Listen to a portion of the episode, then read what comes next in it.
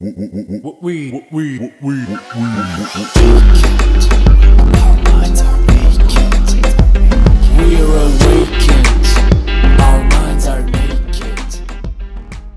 Pozdrav svima, ja sam Martina Đokić, a vi slušate podcast Mentalni nudista. Nalazimo se u epizodi broj 37, sezone 2. I u ovoj epizodi govorit ću o jednoj vrlo popularnoj temi, a to je reći ne, ali ovaj put opet neki malo novi ugao na tu temu, odnosno malo ću govoriti o tome koliko naše, naša nemogućnost da kažemo ne zapravo svima komplikuje život, a ne samo nama i koliko je to što kažemo da kada bismo rekli ne, zapravo jako ružno prema osobi koje smo to rekli. Tako da, evo da malo osvježimo pristup ovoj temi. naravno da je sa svom mojom e, genezom i diagnostikom mentalnom i emocionalnom koju sam iznijela u ovom podcastu, jasno da sam ja bila osoba koja nije znala da kaže ne, jer kao neko koji je bio people pleaser, logično da nisam znala da kažem ne i logično sam se čak gurala i tamo gdje me niko nije zvao da se ja nešto nađem i učinim, i e, da kažem čak i onda kada ne osjećam da sam resursna za tako nešto jer prosto taj people pleaser u meni je morao da se validira čineći drugima šta god stigne i na, sve moguće načine. E onda kada sam e, radila na, na svom samopouzdanju, na svojim granicama, na koje čemu i da se razumijemo to je tema na kojoj se zauvijek radi. Evo ja svak, svakih, svake godine možemo, možemo da kažemo, svake godine E, redefinišem svoje granice. Odjednom su malo drugačije, odjednom su neke druge stvari sada e, nisu mi ok, neke nove jesu i tako dalje. To je prirodno, mi smo organizam, mi zauvijek se razvijamo, mijenjamo e, i, i to je poenta, imamo ekspanziju svog uma, svojih ponašanja i slično. I kada sam počela jeli, da uspostavljam svoje neke granice, da se zauzimam za njih i tako dalje, E, tako sam počela i da naučim, da učim kako da kažem ne i kao i svi ljudi koji imaju problem s tim da kažu ne, imala sam veliki izazov sa emocijama koje nosi ta riječ i sa nekim strahom na koji način će to da utiče na odnose, na energiju, atmosferu u prostoriji ili šta god ali postojalo je puno nekih, ovaj, da kažem, strahova i krivice u meni kada je trebalo da kažem ne. E onda naravno nije, nije, nije mi bilo teško da malo produbim tu temu i da malo više ovaj, uđem, zađem u sve to i da počnem da otkrivam koliko je loše energije i koliko je loše poruke koju šaljemo nekome kada mu govorimo lažno da i koliko mi zapravo komplikujemo život prvo sebi, onda svim ljudima oko sebe, kada govorimo lažna da, mislim možda zvuči sad pregrubo ovo lažno da, ali govorimo da onda kada ne osjećamo cijelim svojim bićem da je da. Pristajemo na stvari za koje nismo postotno možda ni resursni da ih iznesemo i samim tim to da nije potpuno istinito pa ćemo ga zvati skraćeno, lažno, da, to. I prosto kako sam počela jeli, da, da, da mijenjam to, da mic po mic učim da kažem ne, pa vidim da sam preživjela kada ga kažem i da nije bio kraj svijeta.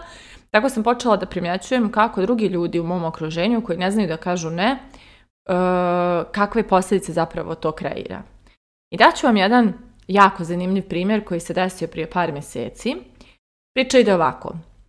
Jedan prijatelj, koji ne zna da kaže ne, je trebao da iz, iz Beograda meni pošalje nešto preko drugog prijatelja koji ne zna da kaže ne.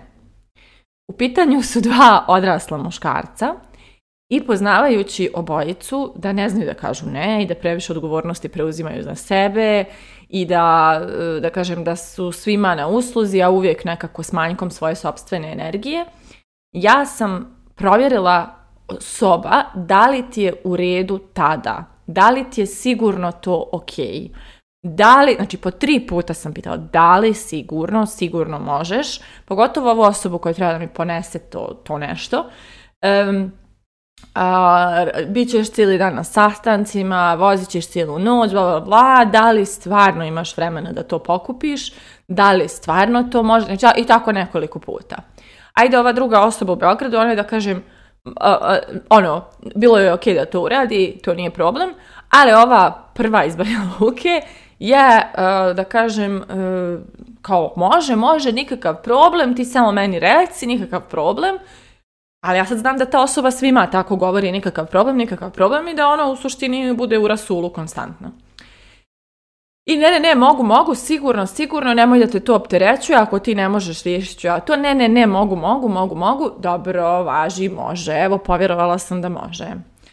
Dajem ja broj osobi u Beogradu, te osobe iz Banja Luke i zamolim, javi se, posle, ne znam, pet će biti, završit će sa sastancima, pa se javi da možda posle pet, ako možeš, organizuješ da daš taj paket, da to dođe do mene, važi, nije problem, nije problem oko 6 sedam se javlja meni osoba iz Beograda i kaže ovaj tvoj prijatelj se meni ne javlja, rekao mi da će biti, ne znam, da će me zvati oko 5, iza 5, njega nema, on se meni ne javlja, ja moram da idem negdje, eh, ne znam sad što da radim, da li da ponesem taj paket, eh, ali tu gdje idem ne mogu posle da budem pri telefonu, neću moći prosto da, da koristim telefon tu gdje, ću biti, eh, šta sada radim i ja kao, dobra, ajde čekaj, sad ću ja da pošaljem poruku tom prijatelju. Ja mu šaljem poruke, ne javlja se. Onda u nekom trenutku taj iz Banja Luke kreće da me zove jedno tri puta, a ja sad usred nekog svog coachinga ne mogu da se javim. Onda me zove ovaj drugi, onda na kraju nekako su oni uspjeli da se čuju.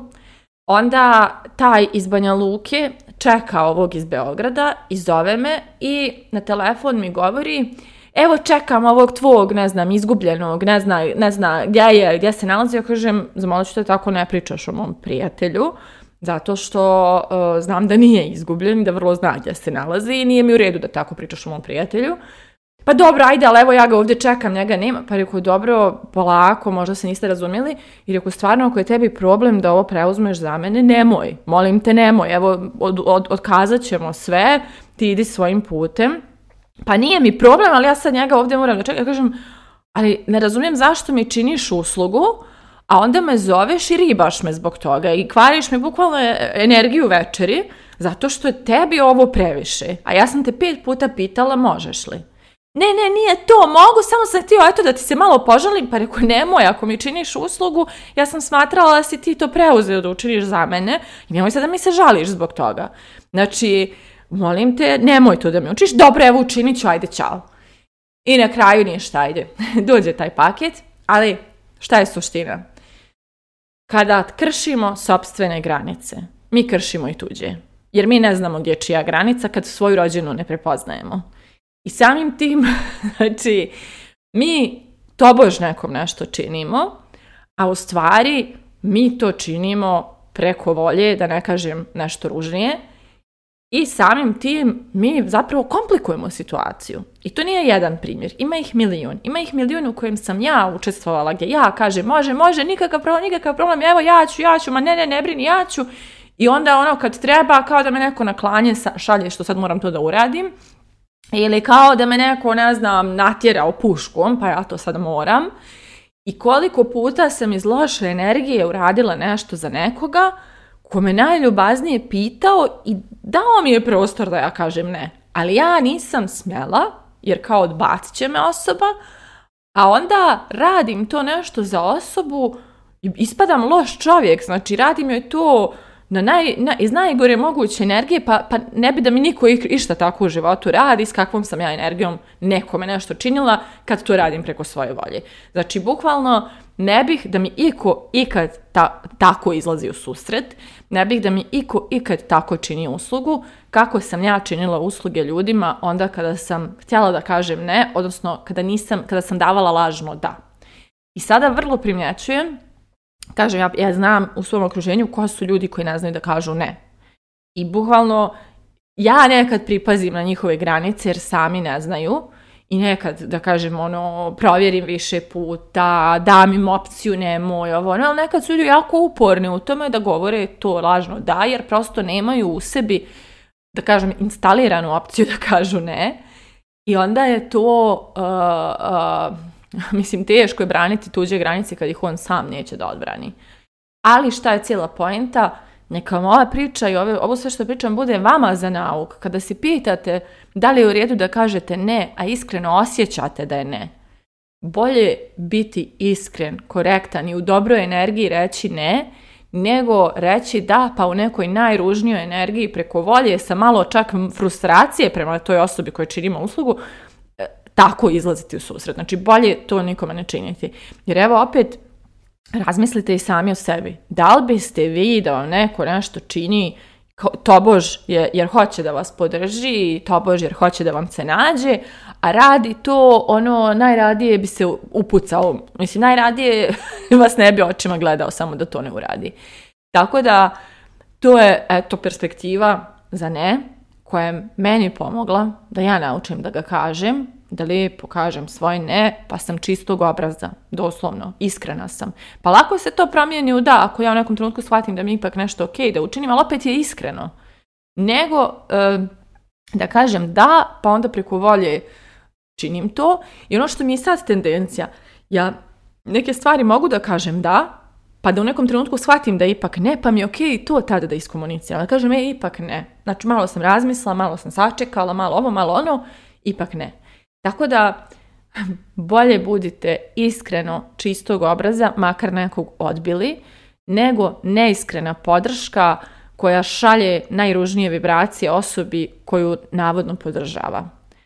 Tako da, eto, moje pitanje za kraj ove epizode je da li znate da kažete iskreno ne ili jedino čime baratate su lažna da. Mislite o tome, a mi se družimo u narednoj epizodi. are